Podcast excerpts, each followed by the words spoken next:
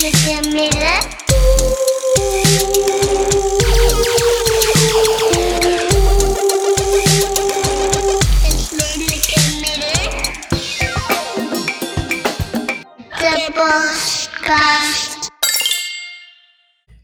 lieve luisteraar, bij Het Redelijke Midden. De podcast die in plaats van miljardairs met raketten de voorkeur geeft aan de arbeidersklasse met raketjes. Ik ben Annelot. Samen met Pim, Sarah en Thijs hebben we het vandaag over socialistisch vakantievieren. Yay! Hip hoi. Yay! Vergeet niet dat je ons kan steunen op petje.af slash het redelijke midden voor exclusieve bonusafleveringen, toegang tot onze Discord en onze tweewekelijkse livestreams, waar we praten over van alles wat nog en nog wat en je ons beter kunt leren kennen. En voor de komende zes weken kan ik je helemaal aanraden, kameraad van de podcast worden, want wij gaan op vakantie. Maar als kameraad van de podcast krijg je toch nieuwe content. Ehm, dan kan je namelijk genieten van onze nieuwe rubriek Kennis met Dennis. Kun, kan iemand even uitleggen wat dit is? Ja, daarin hebben we onze redactielid Dennis, die samen in gesprek met een van ons in 20 minuutjes eh, linkse begrippen uitlegt en bespreekt en een beetje in een bredere context plaatst. Dus het is lekker toegankelijk en het zet een beetje aan tot denken voor in de vakantie wanneer je toch niks beters te doen hebt. Hopelijk. Ja, en er staan er inmiddels eh, twee op band. Toch? Ik heb er één met hem Ja. opgenomen eh, Ja, over en ik ook al anticapitalisme. Ja, waar, waar gaat die jou over, Thijs? Die van mij gaat over vrijheid. Leuk. Fantastisch. Mooi onderwerp. en Um, de jouwe, Annelot? Mijne gaat over anticapitalisme. Van wat is anticapitalisme Ja, nou dat eigenlijk? is, dat is de vraag. Ehm, en daar praat ik dus over met Dennis. En dat is heel gezellig, heel leuk. En het is natuurlijk gewoon heel fijn voor jullie dat als jullie ons heel straks heel erg missen, dat je gewoon alsnog een beetje die content hebt voor 3 euro per maand. Bovendien kan je dan bij de laatste livestream zijn, die doen we volgende week. En die wordt natuurlijk ook heel feestelijk, zo voor de zomerstop. Precies. Toch? Ja. En we gaan het vandaag hebben over socialistisch vakantievieren. En je zegt wel, Annelot, wij gaan op vakantie. Maar is dat wel zo? Is dat wel zo? Ik ga niet op vakantie. Ik ga ook niet op vakantie. Jij Thijs? Thijs, ga je op vakantie? Ik ga volgende week een weekendje weg. Dat is mijn vakantie. Maar je gaat Eh, het land naar- niet uit. Nee, niet het land uit. Ik ga, naar, ik ga wel naar een andere staat. Ik ga naar Florida, naar Destin. Oeh. Leuk. Mooie staat is dat. Daar ben ik ook geweest. Maar eh, in alle eerlijkheid, ik ben al een tijd niet meer het land uit geweest. En niet alleen vanwege de lockdown. Wat was jullie laatste leuke vakantie eigenlijk?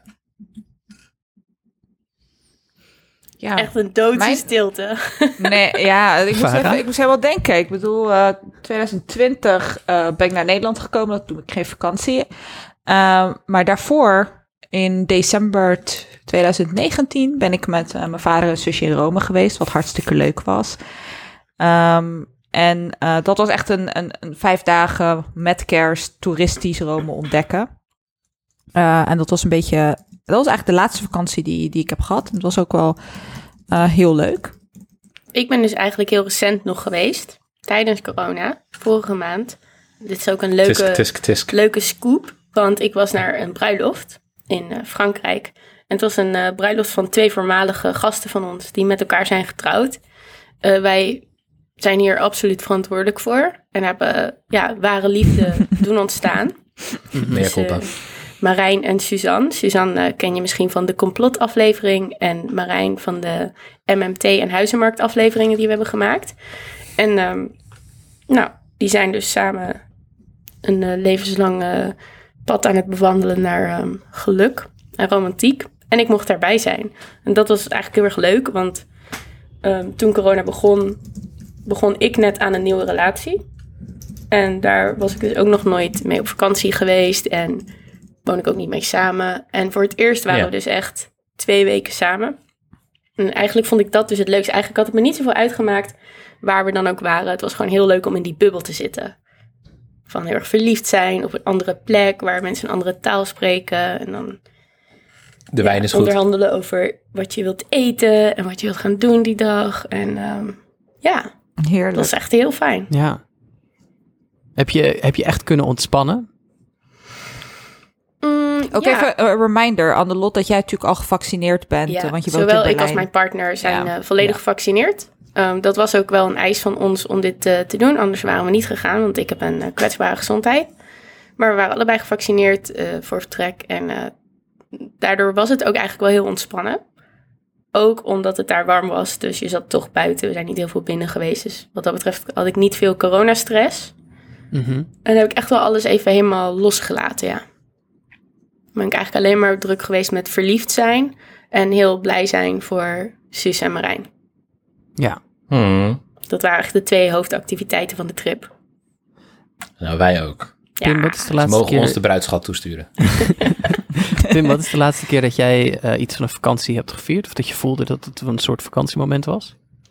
Ehm, vorige herfst ben ik een groot weekend naar een hotel in Drenthe geweest. En daarvoor een keer een overnachting in de Biesbos. Ik denk een jaar eerder. En ik denk dat het zes jaar geleden is ongeveer dat ik naar Malta ben geweest. Hm, cool. Dus en Malta was heel erg mooi. En klein. en heel heet. Want we gingen in augustus om een of andere reden. Dat is mijn schuld. En eh, we hebben van alles gedaan. Een beetje van de natuur genoten. Vijgen geplukt. En er was daar een eh, ondergronds eh, graftombe. Waar je gewoon doorheen kon klauteren. En daar kreeg ik wel een beetje last van claustrofobie. Maar ik heb het gedaan. En sindsdien ben ik te arm geweest om nog echt op vakantie te gaan. Pim, ik vind wel eh, de, de vakantietrip naar graftombes of eh, kerkhoven, dat vind ik toch zo'n specifiek fenomeen. Wat moet ik daar nou mee? Dat is toch heel opmerkelijk om te doen. Nou ja, als je, als je tien Ah, dagen doorbrengt op. Malta, dan, dan heb je veel tijd om zo'n beetje alles te proberen. Ja, ja, ja dat geloof ik wel, ja. Maar het, het is zo'n mooi eiland met echt een hele oude geschiedenis. Want eh, voordat de Feniciërs daar neerstreken, had je al allerlei volkeren daar wonen. En toen kwamen de Ottomanen en Napoleon kwam nog eens langs en de Britten. En nu zijn ze onafhankelijk. Dus er is echt een, en de Romeinen heb je natuurlijk ook nog gehad. Dus echt een hele mengelmoes aan culturen daar. Dat is prachtig. En is het ook zo dat als jij dan op vakantie gaat, dat je daar ook in wilt verdiepen? Ga je dan lezen? Ja. Hm. Ja. Maar is, eh, is op vakantie gaan niet een perfide, kapitalistische en diep problematische activiteit? Oftewel, als je op vakantie gaat, ben je fout. Ja, ben je een slecht mens als je vakantie viert? Ben je dan gecanceld. Ik denk dus van niet. Volgens mij kun je best op een verantwoorde linkse manier op vakantie gaan. Ehm, maar je moet er wel denk ik wat meer je best voor doen dan als je gewoon, zeg maar, ja, je kunt niet echt met de, met de kiloknaller vlucht naar eh, het eerste de beste resort. En dan daar een week op je gat zitten. Dat is niet denk ik, dat is denk ik niet het linkse vakantiegevoel. Ik denk dat er net iets meer bij komt kijken. Want op zich is links, eh, is vakantie wel een soort links idee, toch? Dat mensen recht moeten hebben op vakantiedagen, vakantiegeld. Ehm, alleen verdeelt zich dat niet zo zoals je dan zou willen, nu, in de realiteit. Ja. Ja, vakantiedagen en vakantiegeld is een sociaal-democratische uitvinding en sociaal-democratische erfenis. Omdat ehm, men natuurlijk dacht, ehm, weet je wat die hardwerkende arbeidersklasse verdient? Die verdient het om ook voldoende vrije tijd te hebben. eh, en het geld om dan te genieten van die vrije tijd. Ehm, dus dat hebben ze toen in wetgeving verankerd. Ehm, zodat het ook echt mogelijk werd voor hele grote delen van de bevolking. Ja, nu zitten we in een soort ehm, freelance economie, waarin geen van ons vieren volgens mij op dit moment in loondienst is ergens. Mhm. Wat betekent dat geen van ons vieren vakantiedagen nog vakantiegeld heeft. Nee. Hmm. Ik krijg, eh, ik krijg wel zomer. Ik krijg wel een, een summer stipend, zoals ze dat noemen. Uh, dus het is, een- het is soort van vakantiegeld. Maar wat, wat ik daar eigenlijk mee zou moeten doen, is archieven bezoeken. Uh, voor mijn onderzoek. Dus ik moet eigenlijk Mm. werken in de zomer. En dat hebben ze heel mooi uh, verkapt uh, met de term uh, ja, summer, summer stipend. Maar als je moet werken voor je geld, dan is het geen Precies. vind ik. Ja. Dan, Ja. Dat telt niet. Ja, ik ben dus altijd heel dankbaar dat mijn beurs ook doorgaat in de eh, onderwijsvrije maand augustus. Want dat is niet voor Mhm. iedereen zo. En dat vind ik ook een heel bizar iets om over na te denken. Want hoe betaal je dan je huur die maand? Mhm. Mijn salaris houdt op eind mei. En dan heb ik drie maanden te overbruggen. Mm. Eh, dus daar moet ik dan ofwel zelf in de zomer een baan voor vinden, wat ik dus deze zomer had. Eh, Ik Mhm. heb deze zomer vijf weken lang intensief les gegeven. Dat is dan mijn zomerwerk. Mhm. ehm, om toch geld te verdienen. Maar in principe, ja, je kunt ook proberen om voldoende op te sparen, zodat je het wel kunt eh, afdekken. Ja. ja. Sorry, maar dat is misdadig, verdullen me. ik, vind het, ook, ik vind dat ook. Maar goed, dan, dan leiden we een beetje af van, van het onderwerp misschien. Ehm Farah, weet jij, de, Mhm. wanneer zijn mensen op, begonnen met op vakantie gaan? Ja, dat is een goede vraag. Want ter voorbereiding van deze aflevering zat ik me ook af te vragen van... wat is vakantie eh, vieren nou eigenlijk? En ik bedoel, we hebben het... Mensen reisden natuurlijk al en daar schreven ze ook reisverslagen over. En dat, eh, dat gebeurt echt al eeuwenlang. Dat is niet iets wat, eh, wat recentelijk natuurlijk eh, ontstaan is. Maar ja, vanuit de Europese geschiedenis zie je dus eigenlijk dat er echt pas heel recentelijk het woord toerist wordt gebruikt. Dat is echt iets vanaf de 19e eeuw. Maar dat is natuurlijk weer een soort van moderne, een moderne beschrijving van wat toerisme is. Maar als we bijvoorbeeld vakantie vieren of op vakantie gaan zouden definiëren als naar het buitenland gaan, dan deden mensen dat natuurlijk al, eh, al veel langer. Mhm. Maar het idee van toerisme is, is natuurlijk een ontzettend recent en modern, modern fenomeen. Ja, ik moet denken. ik dacht dat toerisme was afgeleid van de Tigris. Dat mensen na de oogst eh, bij de Tigris gewoon eens even kijken wat er nou zo bijzonder was aan de Eufraat. Is dat echt zo? Gewoon weer een pimgrap? Sorry, ga verder. Ja, ik, moet, ik moet ook denken aan, aan Goethe en zijn Italiaanse reis en zo. Dat dan rond het Mhm. einde van de 18e en het begin van de 19e eeuw. Dus als je eh, rijk was in Europa, echt, echt rijk, dat dan een soort ehm, belangrijk moment in je volwassenwording was. Dat je dan een half jaar of een jaar Europa ging doorreizen om het allemaal te zien. Ehm, en dat, dat, dat was dan echt zeg maar wat de bovenklasse deed. En dat dat misschien wel misschien de eerste vorm van toerisme was. Of zo, in ieder geval in Europa. Maar ik weet de geschiedenis van buiten Europa dan weer, dan weer niet. En daar ontstaat Misschien- ook een beetje het idee dat dat leerzaam is, dat je daar iets aan hebt. Want wat ik me herinner van wat ik van Goethe heb moeten lezen ehm, in mijn studie literatuurwetenschap, was ook heel erg het idee van literatuur als een soort raam naar de wereld toe. Dus window to the world. Ehm, dat als je dus reist en er dan dingen over vastlegt, dat je dat dan mee naar huis kan nemen en mensen daarover kan vertellen. Dat iedereen daar dan wat aan heeft. Dat we er allemaal Ja. betere mensen van eh, worden. Ja, maar dat is natuurlijk echt al, eh, al sinds, ja, middeleeuwen, vroegmoderne tijd vooral. Toen echt mensen mobieler werden, als het ware. En die reisverslagen en de zogenaamde armchair reizigers, als het ware. Inderdaad, dat je vanuit boeken over culturen kon lezen. En dat je dan ook het idee had dat je daar ook echt daadwerkelijk eh, wat over leert. We hebben natuurlijk de Orientalisme-aflevering opgenomen en die reisverslagen. Die, eh, die speelden natuurlijk een hele grote rol ook in, eh, in het ontstaan van dat soort ideeën over exotische gebieden, et cetera. Mhm. Mhm. Ja, maar dat, eh, het idee dat je jezelf kan verrijken door vakantie te vieren, dat het een soort van voeding is voor je ziel en verrijking van de geest. Hoeveel is daarvan nou echt waar? Is dat nodig? Moet je nou echt naar, I don't know, eh, Midden-Afrika gaan om te begrijpen hoe andere culturen werken? Ja, laten we, ik bedoel, laten we eerst vaststellen aan het begin van deze aflevering dat we het allemaal over eens zijn dat eh, vakantie vieren of op reis gaan natuurlijk een enorm privilege is wat niet voor iedereen is weggelegd. En dat, eh, ja, dat, dat wij woonachtig in Europa met een Europees paspoort de mogelijkheid hebben om heel erg veel gebieden in de wereld eh, te bezoeken zonder problemen. Eh, in ieder geval zonder problemen ehm, zelf problemen te ondervinden. We veroorzaken natuurlijk problemen, maar daar gaan we het natuurlijk over hebben. Ehm, dus het is natuurlijk best wel interessant hoe wij over vakantie denken. En ik denk ook wel dat dat nog steeds, en, en, dat zal vast ook wel blijven, eh, heel erg vanuit dat, dat een westerse perceptie is. Van inderdaad, zoals jij zegt, Pim, naar andere gebieden, cultuur snuiven, meer leren over de geschiedenis. Ik bedoel, dat doet natuurlijk niet iedereen. Eh, sommige mensen gaan ook gewoon voor de parties en voor allerlei andere toerisme soorten. Um, maar ik vind dat een heel interessante en goede vraag. Ik heb daar ook heel vaak uh, zelf over nagedacht van. Want ik ben het er wel mee eens dat, uh, dat je een cultuur of dat je um, een gebied, een land pas echt goed kunt kennen als je er als je ook met die mensen in contact bent geweest en ook met die mensen Mhm. eh, kunt praten en daarvan kunt leren, et cetera. Dus het is, ik, ik heb veel liever dat ik dat zelf doe dan dat ik dat van iemand via een, soort van tussenpersoon ehm, ja, daarover leer. Dat, maar ja, ik, ik heb daar niet echt een, eh, een eenduidig antwoord op. Ik zelf geniet er ontzettend van om naar het buitenland te gaan.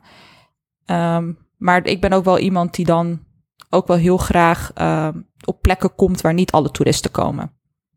Ik denk, ik weet niet hoe dat bij jullie zit. Ik bedoel, gaan jullie, als je in een land bent, ehm, kopen jullie dan ook een Lonely Planet en gaan jullie zeg maar die plekken af of probeer je soort van toch een ander soort van eh, ja overzichtje zelf te maken van wat leuke bestemmingen zouden zijn naar interesse. Ik maak wel eh, zelf overzichtjes, maar ik wil eigenlijk juist heel graag naar alle meest cliché plekken, omdat ik eigenlijk nog meer geïnteresseerd ben. Ten eerste denk ik, ik ga nooit in de zoveel dagen dat ik ergens ben, het echte land leren kennen of de echte cultuur, de echte. Ja. Dat is, Ja. dus ik ga sowieso naar huis met een construct aan verhalen van, oh, de mensen Mhm. zijn er zo lief en het eten was zo lekker en ehm, de zee was zo blauw. En als ik het dat toch al krijg, dan vind ik het eigenlijk interessanter en leuker om daar dan helemaal in te duiken en te kijken Mhm. naar, oké, wat is dan het verhaal van dit land naar toeristen toe? Wat, wat als ik naar Ja. de meest Ja. cliché grote toeristische massale dingen ga, wat leer ik dan over dit land? En dat is iets wat echt verschrikkelijk mijn interesse heeft. Ehm, ik wil heel graag ooit nog een keer een, eh, een boek schrijven waarvoor ik dan eh, onderzoek wil doen naar Nederlanders die naar Amerika gaan op reis. Mhm. Eh, drie verschillende dingen zou ik dan kiezen. De Westkust in Californië, de stedentrip naar New York en de national parks. En dan Mhm. wil ik het heel graag hebben met die Nederlanders van tevoren, tijdens en na hun reis. Over wat het ze dan brengt. Van Mhm. wat, wat is het, wat is, wat geeft het een Nederlander om daar te zijn? Ehm, en dan te kunnen zeggen van, oh die Amerikanen die zijn zo anders. Of oh de natuur hier die is heel mooi. Of de steden hier met de wolkenkrabbers, weet je. Dat, dat, wat gebeurt er in die culturele uitwisseling ehm, van nationale identiteiten en, en stereotypische ideeën daarover ehm, in dat moment. Dus als iemand luistert die mij eh, wil betalen om deze trip te gaan maken, ga ik dat gewoon Je, je doen. mag sowieso bij mij komen logeren. Maar wat is dan dat, wat die mensen zoeken als ze op reis zijn, Annelot? Denk jij dat ze dus op reis gaan om eigenlijk een soort bevestiging te zoeken van wat ze al een beetje dachten Mhm. of vermoeden? Of, of staan ze echt wel open en kunnen ze ook wel heel erg overdonderd? ehm, Ik denk dat mensen sowieso altijd op zoek zijn naar overdonderd worden. Bijvoorbeeld bij zo'n eh, national park. Dat vond ik heel interessant eh, aan de trip naar bijvoorbeeld de Grand Canyon. Ik ben daar zelf dan ook geweest. En daar worden dan toeristenbussen vol afgeladen. En die gaan allemaal naar hetzelfde punt. En dan gaan ze allemaal daar als collectief overweldigd zijn. Van wow, daar moet je dan in meegaan. Of eh, in New York. Maar het als is je- ook wel wow. ja, ja, ja. Of in New York het Empire State Building op, weet je. Dat je daar dan staat en dan rij je vol mensen, een heel groot hek en dan nog allemaal wow. Want je bent, ja, dat, daar, daar kom je echt voor. Ehm, ja. De Walk of Fame, weet je. En dan eh, dat je al die handen daar ziet en denkt, oh, die, eh, die ken ik ook allemaal. En dan ben je een deel van iets. Eh, Mhm. Een soort collectieve ervaring. En die kan je weer met andere mensen delen. En specifiek in Amerika vind ik het heel interessant dat Nederland eigenlijk een soort duale, eh, tweeledige relatie ermee heeft. Met aan de ene kant in dat land eh, gaat van alles mis en wij zijn veel beter. En aan de andere kant is het het land van de ultieme vrijheid. Weet je, dat, dat imago van, oh, kan ik rijden, rijden, rijden en dan kom ik niks tegen. Ik kan urenlang door Kansas rijden en dan zie je Ja. helemaal niks. Weet je, dat, dat dat dan vrijheid is. En dat je dat als Nederlander ook helemaal niet bijna aan kan met je hersenen. Weet je, dat, dat je zoveel landschap kan zien. ja. Vind ik super Ja. interessant. ik heb wel ook eh, zelf ervaren dat vrienden of kennissen en familie die bijvoorbeeld bij mij hier op bezoek komen in de Verenigde Staten. Dat was bijvoorbeeld eh, in 2019 kwamen natuurlijk veel vrienden en ook familie, eh, omdat ik eh, trouwde toen dat jaar. En dat die zeg maar eigenlijk vrij vlug ehm, mij allerlei gedachten wilden delen over de Amerikaanse volksaard. Die Ja, ze ja, ja. eh, Mhm. op basis van een paar dagen of misschien een paar weken waren ze er al. Want veel mensen maakten er ook een soort reis aan vast. Ja. Eh, hadden ze toch wel helemaal doorgrond wat voor een soort mensen Amerikanen nou eh, in, in hun kern zijn. Ja. Ehm, wat ik ook altijd wel een heel grappige reflex vind. Dat we zo echt dat je op het moment dat je een grote reis maakt of een reis maakt naar een ander deel van de wereld, dat mensen heel vlug ehm, de amateur-antropoloog, de Ja, mensenwetenschapper ja, ja, gaan, gaan zitten, ja. Spelen. Ja, weet je wat dan het ergste is? Als mensen naar een armer gebied gaan en dan zeggen, maar de mensen zijn zo lief. En ze hebben hier helemaal niks nodig en nog zijn ze zo gelukkig. Daar kunnen wij nog wat van leren. Oh ja, vreselijk. Eeuw. Nou, dat komt misschien inderdaad wel een beetje door het, het kunnen observeren zonder daadwerkelijk deel uit te maken van de samenleving waar je in beweegt. Ja.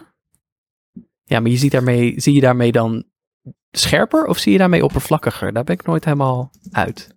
Ik zou zeggen oppervlakkiger in alle eerlijkheid. Want eh, jullie zijn natuurlijk van het historisch materialisme. En ik durf dan te zeggen dat als je de materiële omstandigheden van je omgeving, echt het wezenlijke leven daar, het moeten overleven daar, niet meemaakt, dat je dan eigenlijk eh, een beetje met vaseline door de belevenis heen glijdt. Hm. Zeker als je natuurlijk eh, je begeeft of beperkt tot de toeristische trekpleisters of de afgebakende resorts. Mhm. Ja, Ben ik wel met je eens. dat brengt ons wel een beetje op het punt van wat is nou het doel van vakantie vieren? Ehm, ik heb voor de uitzending heb ik even mij verdiept in ehm, het klassieke model van de socialistische heilstaat en hoe die naar vakantievieren keek, de Sovjet-Unie. Mm. En dat was ehm, wel interessant, vond ik ook. Eh, want ehm, in de Sovjet-Unie had men een beetje twee dominante gedachten. Zo, althans, dat is wat de eh, historica die ik heb gelezen eh, beargumenteerde. Dat er ehm, het idee was dat het op zich wel leuk moest zijn, ook voor de arbeidersklasse, maar niet te hedonistisch mocht zijn. Het mocht niet een vakantie zijn met alleen maar luieren en dat soort dingen, zoals dan in het perfide Westen, in het kapitalistische Westen plaats had. Eh, en het moest ook wel in het teken staan van een beetje de educatie en, en de opvoeding van het volk tot goede socialistische eh, burgers. Ehm, in de jaren 50 bijvoorbeeld, leerde ik als voorbeeld, kon je een, een speciale badge, een soort onderscheiding krijgen als je naar de geboorteplaats eh, van Stalin reisde. En Oeh, daar, punten.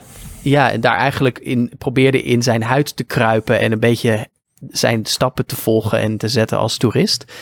Ehm, er waren ook heel veel leningreizen die dan langs de eh, grote belangrijke plaatsen van Lenins leven gingen. Onder andere langs de Hooiberg, waarin hij zich verstopte een tijd lang. Eh, Moest je dan vanuit de trein uit Duitsland komen?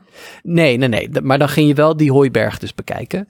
Ehm, en pas later, onder Khrushchev, dus in de jaren 60, omarmde men in de Sovjet-Unie, maar dat heb je dus al er ruim 30 jaar op zitten, bijna 40 jaar, omarmde men meer het idee dat vakantie ook wel echt leuk moest zijn voor de arbeidersklasse. Dus dat het ook wel gewoon misschien strand en zon en een glas vodka mocht zijn. En niet alleen maar ook educatieve, ehm, educatieve tripjes. Want dat was echt heel erg belangrijk. Er was een, een, een Sovjet-reisorganisatie en die plande al deze vakanties. En die had dus eh, een heel dagprogramma vaak in petto, waar een museum werd bezocht of een historische plaats. En soms zelfs een Ja. lezing werd gegeven. Eh, en dan s'avonds ook nog weer een film werd gekeken met de hele groep. Ja, want ik, ik, ik zal eerlijk zeggen, het lijkt me niks om na een lang jaar werken leen in huiswerk moeten doen. Of dat je naar alle plaatsen gaat hier in Nederland waar Willem Drees ooit Ik heeft wou net gewoond. vragen, voor wie zouden we dit doen in Nederland?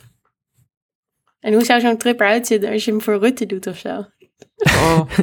Nou, je, je gaat naar, met, eh, je doet dan de, de Pieter Jelle Stroelstra eh, rit. En dan ga je naar Rotterdam, ga je naar een plein. En dan roep je een paar dingen. En niemand doet er iets mee. En dan druip je gewoon weer af naar huis. Het is, eh, het is een grapje voor de historisch zeer geïnformeerde luisteraar eh, van Pim. Leuk. Ehm, maar goed, dat, dat lijkt me niet een heel aantrekkelijk idee van vakantie. Maar het idee dat, ehm, dat je iets doet, zeg maar. Dat de vakantie in het teken staat van misschien persoonlijke groei of ehm, ervaringen opdoen die je ook als persoon ja, verder brengen en ontwikkelen. Dat is denk ik wel nog steeds wel een, een, een dominant idee, althans voor veel mensen. Het idee dat je niet alleen maar op vakantie gaat om op je gat te zitten, maar ook, ja, inderdaad, zoals we het eerder zeiden, cultuur eh, opsnuift, mensen leren kennen, contact opdoet met een andere manier van leven. Ehm, en dat mensen dus ook heel erg dat over zichzelf benadrukken, dat dat is wat ze gaan doen, om het misschien ook, ja, misschien voor zichzelf wat te verkopen of zo. Dat ze niet alleen maar hedonistisch aan het levensgenieten zijn, maar dat ze dus echt aan zichzelf werken als mens. Is dat dan, maar dat is mijn vraag, ehm, misschien hebben jullie hier een antwoord op, is dat dan een beetje een linkse manier van denken of is dat juist een extreem neoliberale manier van denken om zo over een vakantie te... Ik hoor het woord neoliberaal. Annelot. Ehm, nou, ik denk dat het zeker een neoliberale manier van denken is dat alles moet bijdragen aan groei en verbetering en eh, een beter eh, mens worden. Met meer eh, kwaliteit en meer kennis. Maar ik herken helaas dit ook heel erg. ook omdat ik zelf, ik heb dus eh, een hele ja, magere beurs zou ik zeggen. Ik verdien eh, dik onder het minimumloon. Eh, dus ik heb niet echt geld voor vakanties. Maar wat ik wel soms kan doen is naar een conferentie gaan ergens en dan een praatje houden. En daar dan een paar dagen aan vastplakken. Ehm, om dan daar rond te kijken. En dan is het dus eigenlijk precies dit. Dat ik dan daarheen ga eigenlijk om te werken. En dan in de tijd die ik niet werk, probeer ik dan zoveel mogelijk alsnog ervan mee te krijgen. En dan ga ik heel uitgebreid onderzoek doen van tevoren, zodat ik een, een planning en een route kan uitstippelen, zodat ik zoveel mogelijk kan zien en niks mis. En wat ik merk bijvoorbeeld is dat ik heel erg de angst heb om. ehm, eh, ik ga vaak eh, naar musea, omdat die ook vaak gratis zijn of eh, gratis avonden hebben of dus vrije zondagen. is gewoon een toegankelijke plek, vind ik dan. Ehm, en ik heb dus een hele grote angst om dan iets te missen in een museum. Dat ik dan denk, nee, maar ik moet wel kunnen zeggen van ja, heb ik toegezien. En dit is natuurlijk En heel dan maak je van apart. die veel te lange dagen bijvoorbeeld. Ja, ik maak dus hele lange dagen, ja. Ja. Ik- en als je dan dus mensen spreekt, ik ken ook wel mensen die gaan dan uit of uit eten of gewoon echt naar een club ergens. Dan denk ik, huh? Welke energie heb je dan? Want je moet naar al die musea, je moet al die verschillende wijken en al de, de free walking tours. En de, ja, je moet toch met een verhaal thuiskomen. Je, je, zegt dan, je zegt dan bijvoorbeeld, ja, eh, musea zijn best wel goed, want het zijn, eh, ze zijn toegankelijk. Ze zijn bijvoorbeeld vaak gratis. Dan ga ik er even een lastig in gooien. Hmm, Is de British Museum ja. dan goed, omdat die gratis is? ja, goed. Of fout, vanwege die verschrikkelijke koloniale schatten die Goeie vraag. Goed nieuws, ik ben er nog nooit geweest. Maar goed, Ik ben er wel eh, geweest. Ik, in geweest. Ik heb een tijdje in, eh, in Londen gestudeerd eh, aan, aan SOAS zes maanden. En SOAS, ehm, de School for Oriental and African Studies. En die bevindt zich echt ontzettend, of die staat heel dicht bij het eh, British Museum. Dus dan eh, ging ik altijd in mijn pauze er even naartoe. En dan kon je dan gratis eh, naar binnen en rondkijken.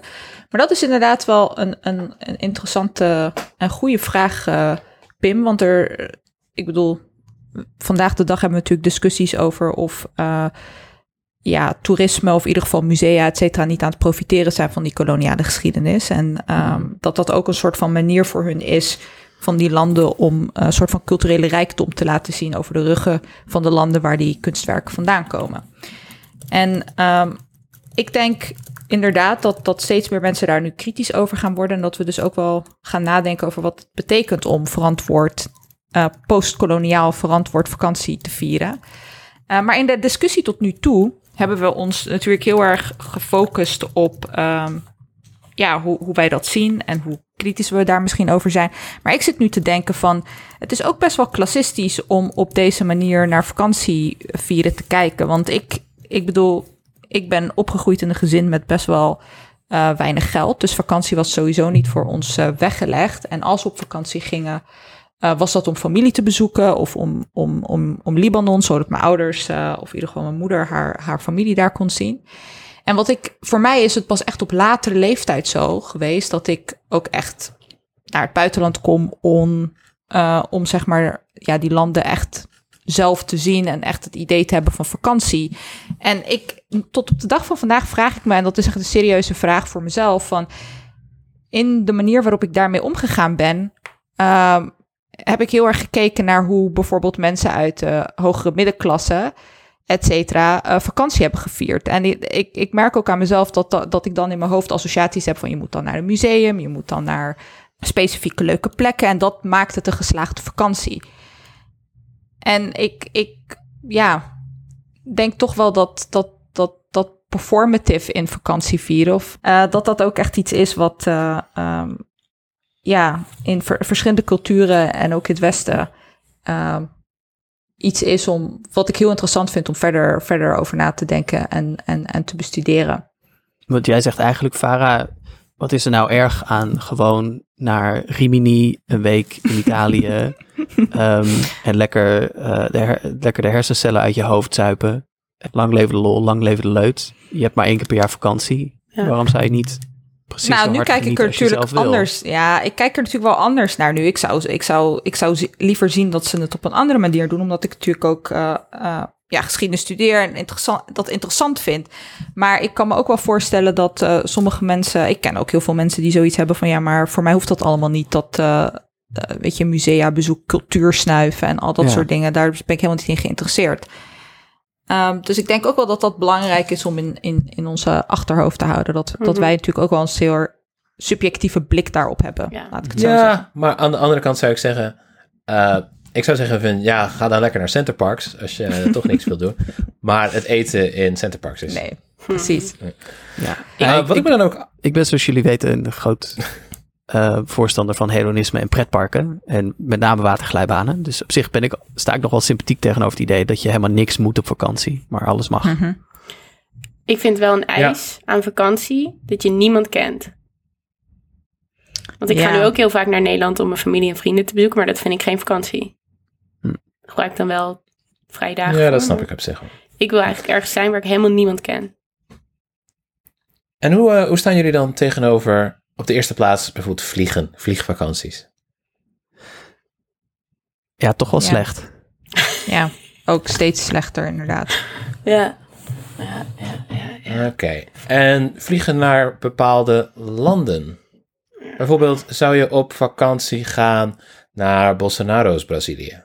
Of Trumps Amerika? Ik heb hier nog nooit over nagedacht, omdat ik het niet kan betalen om naar Brazilië te gaan.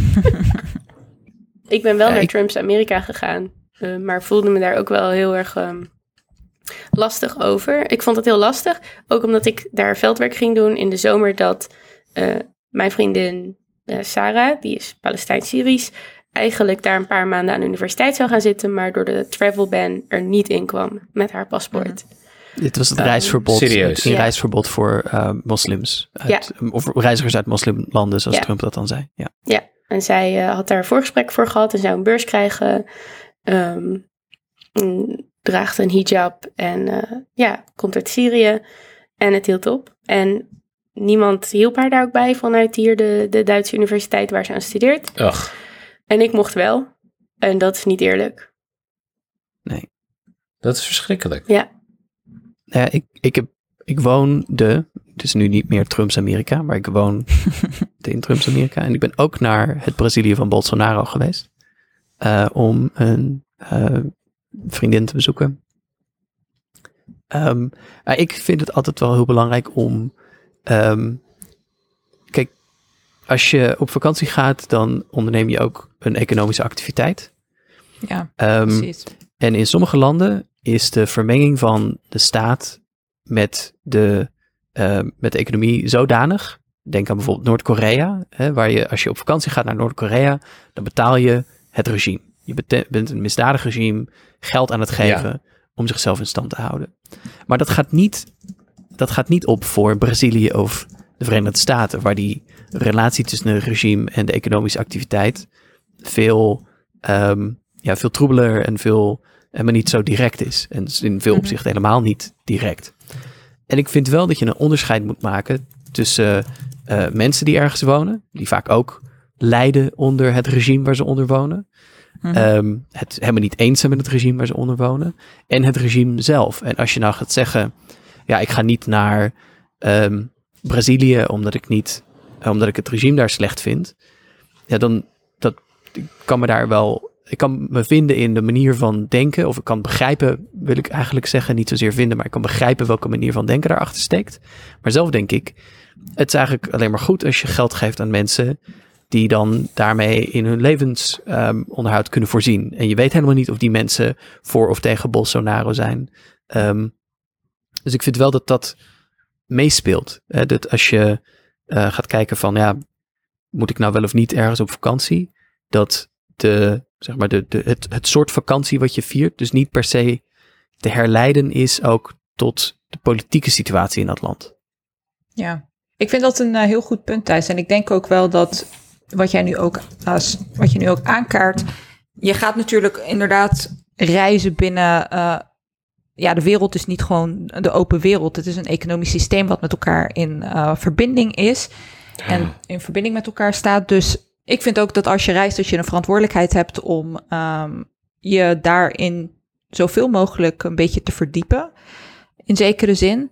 Uh, om te begrijpen van wat het nou is, uh, wat je gaat doen als je daar bent. Ik bedoel, je verwacht dat natuurlijk niet van iedereen, maar als, als je dat kunt, um, ja, zou, zou je in principe je kunnen afvragen van, oké, hoe kan ik mijn geld daar inderdaad besteden? En ik denk dat daar een soort van die verant dat verantwoorde vakantie vieren bij komt kijken. Is van dat je inderdaad gaat kijken van het geld wat ik daar uitgeef en aan wie ik het uitgeef, et cetera, is dat, uh, is dat verantwoord en steun ik daarmee uh, specifieke groepen. En ik zit nu ook te denken aan, ik ben zelf nooit in Cuba geweest. Maar dat is zeker een uh, bestemming waar ik uh, naartoe wil gaan om persoonlijke redenen en voor heel veel andere redenen. Maar ik heb dus mm -hmm. ook een beetje uitgezocht uh, van hoe dat bijvoorbeeld ook in, in zo'n land zit. Want voor Cuba bijvoorbeeld was toerisme tot aan, um, tot aan de Cubaanse revolutie ontzettend belangrijk. Uh, specifiek omdat de Amerikanen. Cuba is natuurlijk ontzettend dicht bij Amerika. En daar kwamen dus voornamelijk alle Amerikanen die in het Caribisch gebied op vakantie wilden. Het was een soort van paradijs uh, voor, voor rijke Amerikanen als het ware. En dus toerisme heeft een soort van hele, hele slechte naam onder Cubanen in zekere zin, omdat het ze doet denken aan de periode van, uh, van voor de revolutie. En dat is ook iets waar Fidel Castro heel erg goed gebruik van heeft gemaakt. En die heeft dus ook gezegd dat uh, zeker tot 1997 het verboden was voor Cubanen om ook echt met toeristen in aanmerking te komen en in contact te staan met ze. Maar daardoor is er ook een heel interessante manier van kijken naar toerisme op het eiland uh, ontstaan. Want wat je ziet is dat um, Cuba ook door het embargo van de, uh, van de Verenigde Staten uh, ook wel afhankelijk werd op een gegeven moment van toerisme. Maar wat ze, hoe ze dat soort van opgelost hebben, en we kunnen daarvan vin, vinden wat we willen. Maar dat is door te zeggen van oké, jullie westerlingen mogen naar Cuba komen, maar dan verblijven jullie aan de kust in bepaalde resorts. Um, en die scheiden we van uh, de lokale bevolking. Dus de lokale bevolking kan daar niet naartoe. Het is een soort van, ze noemen dat ook wel eens apartheidstoerisme. Mm-hmm. Um, en uh, daar circuleerden dan dollars en daar kon de Cubaanse, uh, de Cubaanse regering van profiteren, et cetera. Maar daarna, dus na 1997, is er ook, um, werd het ook belangrijk voor, voor de Cubaanse overheid om toerisme binnen Cuba, dus niet alleen maar aan de kustplaatsen, uh, te stimuleren, zoals ze toen gedaan hebben. En ik vraag me echt serieus af of de bedenkers van Airbnb niet gewoon bij Cuba hebben afgekeken. Maar ze hebben dus gevraagd aan uh, Cubanen om hun huizen, sommige van hun beschikbaar te stellen voor toeristen. En dat zijn de zogenoemde casas particulares. En uh, dus je kunt soort van een huis of een kamer kun je verhuren. Daar betaal je wel belasting. Uh, je verdraagt wel belasting af aan de overheid. Mm-hmm. Uh, maar je kunt dan, zeg maar, toeristen binnenhalen. En je kunt ook, en het idee ook daarachter is dus dat je ook met de lokale bevolking in aanraking komt. En dat dus ook een beetje de stereotypes die bestaan over Cuba. Ja, dat je, dat je die ook een soort van beetje bestrijdt. Uh, en ik, vond dat een, ik vind dat een heel interessant idee. Wat je natuurlijk wel, wat je natuurlijk wel ziet, ik, ik las daarna ook dat uh, er natuurlijk ook wel mensen zijn die dan niet die belasting willen afdragen aan de regering. En, en daar is het nog goedkoper om naartoe te gaan. Um, maar wat je dus wel ziet is um, dat binnen die landen, bijvoorbeeld zoals Cuba, heel erg bewust zijn van het feit dat toerisme echt een soort van kapitalistisch uh, smaakje heeft, als het ware. En dat ze dus echt naar een manier proberen te kijken om uh, zich een beetje daartegen te verzetten. Maar dat is hartstikke moeilijk en ze slagen daar dus ook weer niet in. Ja. Ik hoorde uh, de verwijzing naar Airbnb. Mm-hmm. Pim, jij bent van ons, vind ik, de minst digitaal aangehaakte. Je hebt geen smartphone. Um, je, uh, hebt, uh, je doet niet echt aan sociale media. Je doet niet aan sociale media. Uh, heb ik jij heb. LinkedIn. Je hebt LinkedIn? Oké, okay. nou, maar dat... dat ja. Wil je niet doodgevonden Invite worden. Pim. Stuur een uitnodiging. Connect met Pim op LinkedIn. Maar Pim, heb jij wel eens uh, van een Airbnb gebruik gemaakt? Ja, ik ben een keer met mijn vriendin naar Gent geweest. Okay. Uh, naar Airbnb. Maar dit was dus in een tijdperk dat we echt te arm waren om te poepen. En dan kun je ook niet heel veel anders als je toch iets wil doen buiten je eigen land. Ja. En we hebben een heel fijn weekend gehad daar in Gent. Uh, maar ik zou het nooit meer doen. Ik vertelde bijvoorbeeld over mijn vakantie naar Malta, die een paar jaar later was. Daar heb ik uh, zelf veel meer van mijn gespaarde geld neergeteld om maar een hotelkamer te boeken. Hmm. Ja. Ik, heb, ik weet nog dat Airbnb naar Amsterdam kwam. En toen waren er heel veel posters die hingen Ja. in de tramhokjes en bij de bushaltes. En daarop stond een tekst in de trant van... ehm, echt in de trant van, bent u een dief van uw eigen portemonnee? Als in, heeft u een lege kamer ehm, die u niet economisch te gelden maakt? Ehm, volgens mij is dat echt... ik vond het zo akelig, omdat het... Maar het is echt de kern van Airbnb. Ehm, het hele idee dat je, als je een ruimte hebt in je huis... Nou, op zich moet je dan al een koophuis hebben in Amsterdam. Van enige, eh, enige omvang. En dat je dan, als je dan die ruimte... Ja, dat is je werkkamer of het is je logeerkamer... maar je gebruikt hem niet zo heel vaak. Als je die dan niet te gelden maakt om andere mensen daar te laten verblijven... dat je dan eigenlijk ehm, ja, aan kapitaalvernietiging doet. Dat was de boodschap van, die, van die posters. En waar dan bij Airbnb... Ja, Airbnb is echt, echt, een, echt vergif. Ik, heb, het- ik gebruik het zelf Ja. ook, helaas. Ehm, kan natuurlijk soms... ehm, eh, had ik moeten kiezen voor, een- voor een hotel. Maar ja, het is wel weer verleidelijk. Dit is ook denk ik een beetje de eh, eh, beperking van het idee dat je zelf door consumptie het kapitalisme om- omver kunt trekken. Daar is uiteindelijk gewoon wetgeving en beleid voor nodig. Maar wat Airbnb ook nog eens eh, is, het is niet alleen een, puur kapitalistische activiteit. Het is ook nog echt een soort vliegwiel op de ongelijkheid. Want in Amsterdam was het zo dat als jij in een sociale huurwoning woonde, dan mocht je niet, en er waren ook ambtenaren in Amsterdam die daarop jaagden, eh, dan mocht je niet je huis verhuren via Airbnb. Daar kon je een gigantische boete voor krijgen.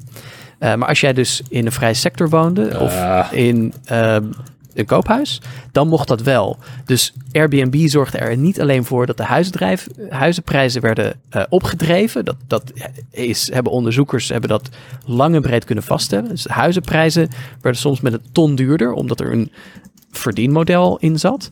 Eh, maar het is ook nog dat ehm, als je dus in een sociale huurwoning woont en nou, verondersteld wordt dat je dan ook een ander type inkomen hebt dan in een koophuis, dan mocht je ook nog niet eens dat kleine graantje meepikken van zo nu en dan ehm, iemand in je huis laten verblijven. Dat was heel lang de regel in eh, Amsterdam. Ik weet niet of dat nu nog Dat steeds is echt heel vies. Ja. Dat is heel vies. Ja, ja.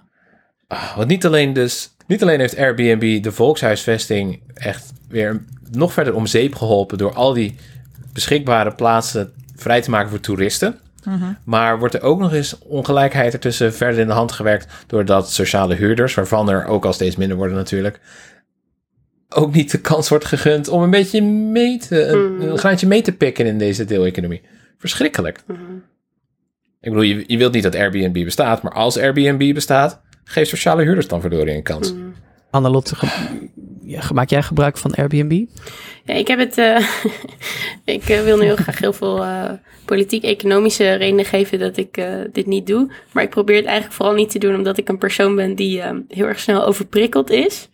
En ik heb dus dat die idee Ja. van op vakantie moet ik niemand kennen. Dat is omdat ik sowieso van sociaal contact snel overprikkeld raak. Maar ook van ruimtes. Ehm, daar ben ik heel specifiek in. Dus ik wil eigenlijk alles zo leeg en zieloos mogelijk. Dan kan ik slapen, want anders ga ik, ik kan gewoon niet slapen. Mhm. mijn, mijn hoofd wordt gewoon nooit stil. Ehm, ja, dus eh, voor mij is het eigenlijk... Ik vind het heel, heel, heel moeilijk om in iemand anders zijn eh, huis te zijn. En dan eh, daar iemands eigen persoonlijkheid in te hebben waar ik mee moet dealen. En dat, da- daar ga ik dan heel veel gedachten over hebben en gevoelens. Ja. En dat trek ik eigenlijk niet, dat deel. Nee, snap ik. Ik heb ook liever gewoon het comfortabele, eh, saaie beddengoed van een hotelbed met een televisie er recht tegenover en dat ik gewoon hersenloos kan zappen zonder dat ik denk, oh, misschien hoort iemand me of, oh god, die foto ernaast van dat gezin. Ja, Verschrikkelijk. En weet je waar ik nou laatst over na zat te denken? Dat het eh, beddengoed van een hotel, dat, dat ik dus eigenlijk nu heel mijn leven dat ik op mezelf woon, altijd, altijd wit beddengoed wil. Ehm, omdat het in mijn hoofd dus een beetje die hotelleegheid heeft. En dat ik die nodig heb voor Ja. En ik had dus laatst kijken. Hier heb ik nog wel een interessant puntje, een vraagje voor jullie. Ik was in een museum Ehm, op die vakantie in Frankrijk waar ik het over had. En daar was een tentoonstelling over toerisme. En daar hadden ze foto's gemaakt van verschillende hotelkamers. Ehm, en die had, waren dan gericht op een bepaald type toerist. Dus bijvoorbeeld de Amerikaanse toerist. Of gewoon de Westerse toerist. En ik vond het zo interessant hoe je daar ook weer nationale identiteiten in ziet, waar dus in een ander land dan op geketerd wordt. Dus hotelkamers gericht op de Amerikanen, die waren best wel van de frutsels en fratsels en het nepgoud. Eh, op een soort van, wow, dit is echt eh, bijna een soort beetje van... Ode Trump. Ja, een beetje eh, Cheesecake Factory-achtige campy aandoening. En de, eh, op de Europese reizigers was veel meer een soort van Noordisch design. Dus eh, juist veel strakker en minimalistischer. lijnen. Ja, en toen zat ik te denken van wow, dit is ook echt heel interessant hoe hotels zichzelf inrichten en daarmee ook een bepaalde groep mensen erin willen trekken. Grappig. Ehm, ja, Ja. daar Ja, heb ik nooit over nagedacht. Hey, Annelot, Ja. als jij reist voor ehm, je academische werk, want je zei net dat je daar, dat dat zijn een beetje de momenten waarop je ook de gelegenheid krijgt om nog wel eens een beetje een paar dagen eraan vast te plakken. Ehm, vlieg je dan veel? Of ga je met de trein? Nee, ik vlieg dus veel en het komt eh, omdat veel daarvan of in het Verenigd Koninkrijk is of in Amerika. Mhm. Ehm, en ik zit in Berlijn zelf. En het komt echt heel vaak neer op het feit dat ik niet de vrije tijd heb om de trein te kunnen nemen. Dus van hier naar Lissabon komen voor een conferentie of van hier naar Londen komen voor een conferentie met alleen de trein, dat duurt gewoon anderhalve dag. En die heb ik niet. Ook omdat er geen. eh, de treinen zijn hier niet op ingericht. Weet je, het is een, je kan misschien een slaaptrein vinden, maar vaak zit je gewoon rechtop. Wifi werkt vaak niet, et cetera. Eh, maar ik voel me daar wel rot over. Want dit is vervuiling voor wat? Weet je, wat Mhm. levert het op? Hoe belangrijk is het dat ik ga? En ik ken ook een heleboel andere academici die niet meer naar conferenties gaan waar ze voor moeten vliegen. Die Mhm. alleen nog treinen pakken. Ja, Vind ik, ja, dat is best Ja, wat voor te zeggen. ik probeer ook, als het kan, niet te vliegen, maar is het ook niet een beetje een valkuil om zo te denken? Van wat je allemaal wel en niet mag doen op vakantie? Nou ja, de naarste, het naarste gevolg wat ik hier aan zie, eh, wat jij daar zegt, Pim, van dat inderdaad mensen dit heel individueel maken, is dat vliegtuigmaatschappijen hier erg op inzetten op dit moment, dit schuldgevoel eh, van mensen die vliegen, waardoor ze dus je de mogelijkheid bieden een soort CO2-vergoeding te betalen voor je vlucht. Die zij dan schenken aan een goed doel om ergens bomen te planten of zo. Maar wat Oh er uiteindelijk God. gebeurt, is dat dan hele grote maatschappijen, zoals de KLM, ehm, dat allemaal van hun belasting af kunnen trekken. Omdat dat giften aan Ah. goede doelen zijn. En dit is echt, als er één eh, ding is wat ik hoop dat de luisteraars hier dus nooit gaan doen, is vink alsjeblieft nooit die CO2-compensatie aan. Geef zelf geld direct aan een doel. eh, zoek ze zelf op, maar geef die, die vliegtuigmaatschappijen niet eh, de light of day voor dat. Want ik word daar zo kwaad van. Maar ik denk dat eh, binnen de context van de wetenschap wat jij nu eh, beschrijft, Annelot, ik bedoel, het was ook, of het is ook allemaal super decadent. Ik bedoel, het feit dat jij naar Lissabon gevlogen wordt voor twee dagen conferentie waar je helemaal niks van Lissabon gaat zien. Je gaat hooguit in een restaurant eten met een paar andere vrienden of collega's. En dan weer weggaat. Weet je, gewoon het idee dat je even twee dagen naar Lissabon kunt. Ik denk, ik vind het hartstikke goed dat we daarvan afgaan en dat we eh, overstappen. Ik bedoel, overstappen op Zoom-conferenties en al dat soort dingen. In, in zekere zin was het gewoon best wel, ja, decadent. Ja, ben ik, helemaal, ben ik helemaal met je eens. Maar ik zou dus willen dat dan het geld dat er vrij werd gemaakt voor dit soort dingen... gewoon Ja. zou gaan naar onze minimuminkomen geven. Precies. En dat was nooit. Ja. Dus eh, dit was zeg maar de enige eh, eh, perk, het enige voordeel... Dat, dat academici dan hadden aan een PhD gaan doen was... oh, maar dan kan je dus reizen op manieren die je anders misschien niet kan. Dus ik denk, ja, Ja. Ja. volgens mij hebben we liever sociale zekerheden. Maar ja, Het klinkt wel, voor mij klinkt het wel een beetje alsof eh, de eh, meest ja, verantwoorde manier om op vakantie te gaan, toch ehm, met de fiets, het tentje in de fietstas, de trein naar Den Helder pakken, met de veer naar Terschelling en of wat een beetje te gaan eiland hoppen, maar gewoon Mhm. te kamperen in eigen land. Dat is de meest ethische en minst vervuilende manier van vakantie vieren. ehm, waarin je Nog liever dood. Maar Thijs, wacht even. Waarom in eigen land? Want je kan toch ook prima met je, je fiets en je tent in een trein stappen... of de boot niet naar Terschelling pakken, maar naar eh, het Verenigd Koninkrijk. Waarom eigen land? Nou, oké, dat, dat kan ook nog wel. Al is natuurlijk elke kilometer die je extra maakt, is- je stoot wel uit. Het is niet Mhm. helemaal CO2-neutraal. Mhm. Ehm It's more like actual guidelines. Hey, ja. heb jij een maar- fiets, Thijs? Hier? Ja? Nee, eh, dan heb zou ik namelijk... Ik heb wel een tent, ja. Oké. Ja, en ik, wij gaan ook graag met de tent op vakantie. Je kunt hier hele leuke kleine kampeerplekjes vinden. Vaak in die nationale parken waar jij het ook over had, Mhm. Annelot. Of regionale parken. Ehm, en dan kun je, betaal je soms 15, 20 dollar. En dan zet je je tent op. En dan is dat plekje naast een soort, eh, ja, krijg je er een soort vuurkorf bij. En dan, dan kampeer je. Maar het is wel vrij, eh, het is niet van alle gemakken voorzien, zeg maar. Het is vrij, het is, het is afzien, zoals Pim zou zeggen. Ja, ik absoluut. ga- Als, als, ik, eh, als ik gewoon pijn aan mijn schouders wil de, he- het hele weekend, dan ga ik lekker kamperen. als ik vakantie wil vieren, dan zoek ik een bed op. Ik ga ben- Deze schouders zijn niet gemaakt ik, voor ik een ga, luchtbed. ik ga een confession doen eh, op dit moment. Ik, toen ik opgroeide en ik hoorde over kampeervakanties, het eerste en het enige wat ik toen dacht was, waarom doen mensen zichzelf dit aan? Waarom Ja. doen ze het? Waarom moeten ze per se in die camping, in dat hele kleine... Ja, ik Door weet een niet eens- moeras waden om, met een rol wc-papier om te kunnen bouten. Precies. En God, ik, nee. ik, ik, ik ga niet zeggen dat ik het zou doen nu, maar ik heb er wel door de jaren heen meer sympathie voor kunnen opbrengen. Dat ik wel het idee heb van oké, van de natuur genieten, het idee van dat, dat, dat niet alles luxe hoeft te zijn, want dat is natuurlijk ook best wel een, eh, een soort van kapitalistisch droompje eh, waar ze mensen ook in proberen mee te sleuren, maar dat je ook gewoon van, van de, de natuur kunt genieten.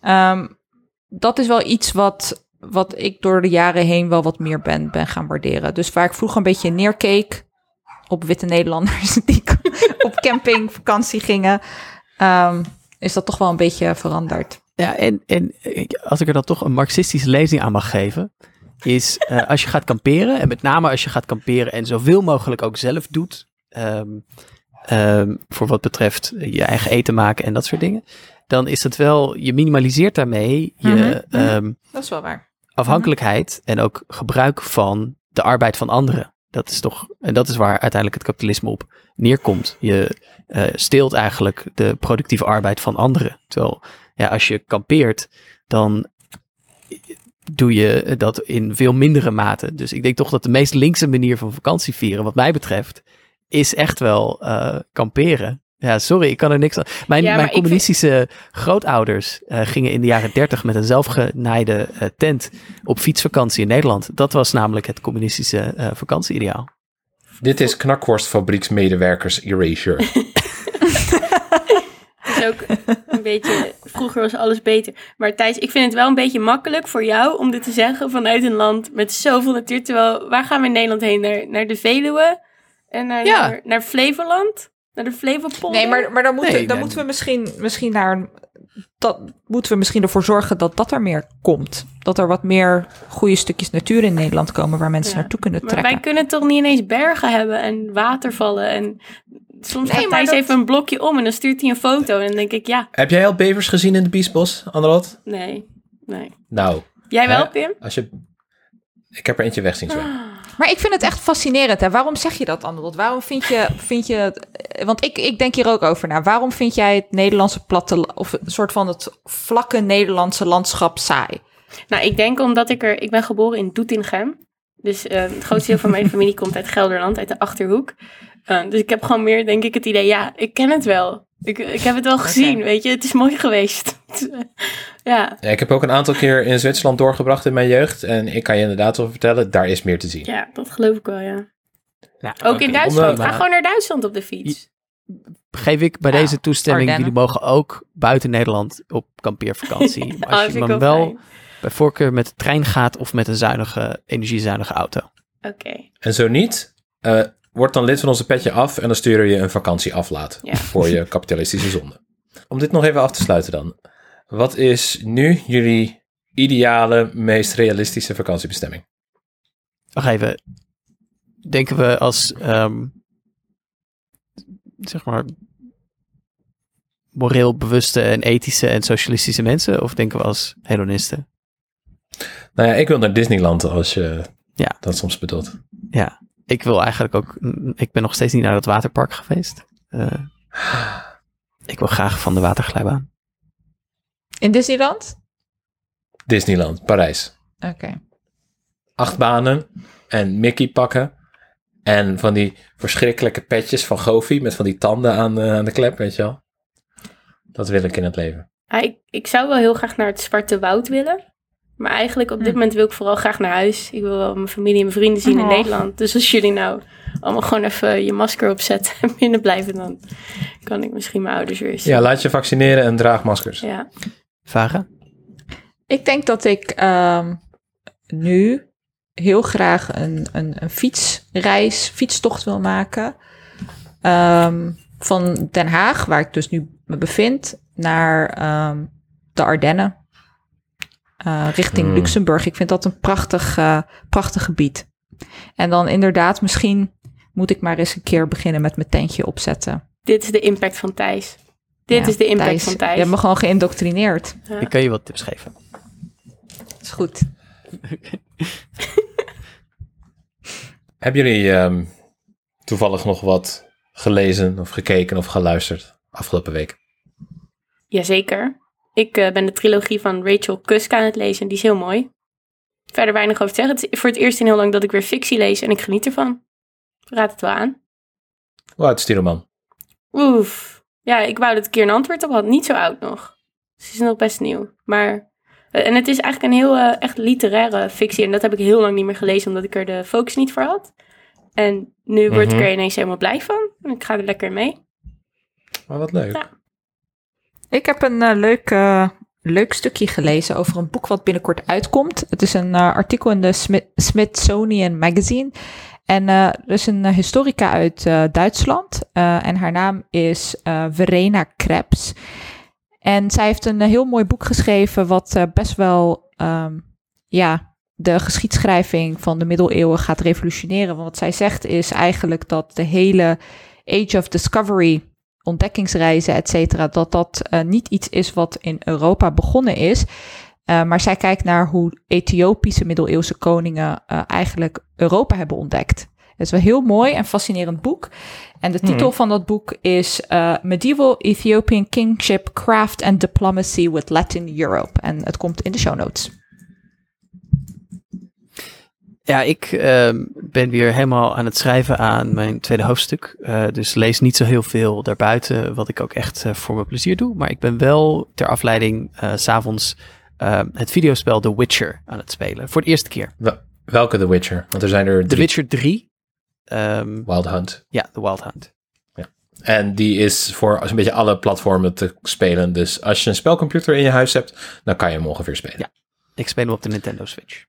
Nu bedenk ik bij Pim, eigenlijk wilde ik je deze vraag eh, al tijdens de aflevering stellen, maar ik ga het nu even doen. Want ik zit te denken, nu met corona en het feit dat we allemaal niet op vakantie kunnen, et cetera, bedenk ik me, denk jij dat virtual vakantievieren iets gaat worden in de toekomst? En begint dat al binnen de gaming scene of is dat niet iets waar mensen mee bezig zijn? Hoe zat ben jij Zoom-gesprekken?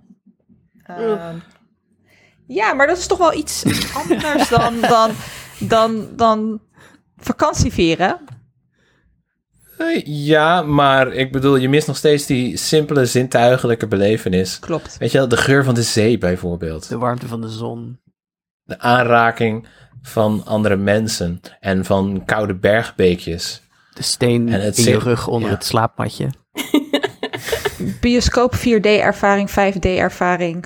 Ehm, Ja, ik, weet denk niet, ik zie wel dat er, dat er iets gaat komen. Dat, dat mensen daar op gaan inzetten. En dat wordt dan, ja, dat is natuurlijk Ja, de, de meerwaarde ervan wordt zeker eh, verkocht aan bepaalde mensen, absoluut. Ja. Pim, Pim heb, jij, heb jij nog... eh, wat is jouw mediatip voor deze, voor deze Nee, ik moest aan, eh, denken aan wat Farag zei over de toeristische industrie vanuit de Verenigde Staten op Cuba voordat Castro daar de macht kreeg. En eh, dan moest ik denken aan de films The Godfather 2 en The Irishman, respectievelijk van Coppola en Scorsese. eh, Scorsese. En daarin staan allebei toerisme in Cuba centraal en hoe de georganiseerde misdaad daarvan profiteert. En de ontzettende haat die zij dus hebben voor Castro en voor communisten. En de druk die ze vervolgens uitoefenen op de Amerikaanse overheid om daar iets tegen te doen. Natuurlijk kwam haat voor communisten ook uit andere hoeken, absoluut. Maar The Irishman gaat dus in op de verklaring voor de moord op Kennedy, dat hij gewoon vakant is gemaakt door de maffia van Chicago, omdat zijn vader de beloftes niet nakwam en de varkensbaai-invasie mislukte en zo. Dus ik kan, me van harte aanbevelen, ik kan je van harte aanbevelen om die films nog een keer te kijken als je het nog niet gedaan hebt. Des te beter. The Irishman staat op Netflix. En The Godfather 2 moet je maar gewoon kopen. Het zijn wel echt lange films, Pim. Ja. Het zijn lange films, maar ze zijn ook heel goed. En zoals Roger Ebert zei, een goede film is nooit te lang. En een slechte film is nooit kort genoeg. Wat is het redelijke midden van deze week? Redelijke midden van deze week is dat we niet de Delta-variant en ons geld op vakantie naar Griekenland brengen, maar in plaats daarvan wel dat de EU uit solidariteit alle bestaande schulden van Griekenland gewoon kwijtscheldt. Yay. Yes! Goed idee. Yes! Nou, dat Good was wel, point. denk ik. Of niet? Oh, Ik Yep. heb De laatste aflevering van het seizoen. Ik heb Ja. wat was, het een genoten. fijn se- wat was het een fijn seizoen, hè? Ja, Mhm. ja, wat gaan we elkaar We missen? gaan het nog lekker nabespreken in de livestream komende vrijdag. Ja, dat gaan we doen. Hè? We gaan de, hoogtepunten van het seizoen bespreken. Wil je daarbij zijn, dan moet je dus geld geven op petje.af slash het redelijke midden. Ehm, dat kost je 3 euro per maand. Dan mag je bij die eh, livestream zijn komende vrijdag. En dan kan je dus eh, genieten van de kennis met Dennis. Je mag ons natuurlijk ook altijd meer geld geven. Daar doen we niet moeilijk over. Wil je meer van ons horen? Volg ons dan op Twitter. Het HRM-team. Eh Varen vind je at en Bassie. Thijs at Kleinpaste Thijs. Mij at Spion. En mocht je toegang tot Pim willen, dan moet je hem een eh, invite op LinkedIn sturen. Of die 3 euro per maand betalen, zodat je hem gewoon lekker op de dis- Discord kan lastigvallen. Als je ons persoonlijk niet zo interessant vindt, maar de podcast leuk vindt, volg ons dan op Twitter en Instagram via het redelijke midden. En e-mails met lofzang, commentaar en klachten kunnen naar hetredelijkemidden@gmail.com. Mocht je ons willen e-mailen, schrijf dan vooral een lieve boodschap op voor onze excuuszoomer Dennis, want die opent waarschijnlijk je bericht. En die je dus ook kan gaan horen in Kennis met Dennis. Nou, dankjewel voor het fijne seizoen, lieve co-host. Wat gaan jullie doen van de zomer? Boek schrijven. Lezen. Ik ga ook een boek schrijven. Allemaal boek schrijven. Diverse boeken schrijven. Ja. ja. nou, leuk. Veel plezier ermee, jongens. Ja, we kunnen het. Ik geloof erin. Ja. Oké, Dank jullie wel allemaal. en Ja, tot bedankt. Bedankt voor het luisteren, ja, want het was echt een genot om het te doen Ja. dit seizoen. En jullie steun maakt het eh, gewoon mogelijk en dat is heel fijn. Dank jullie wel. en tot over zes weken. Tot over zes weken. Doei! Doei! Doei.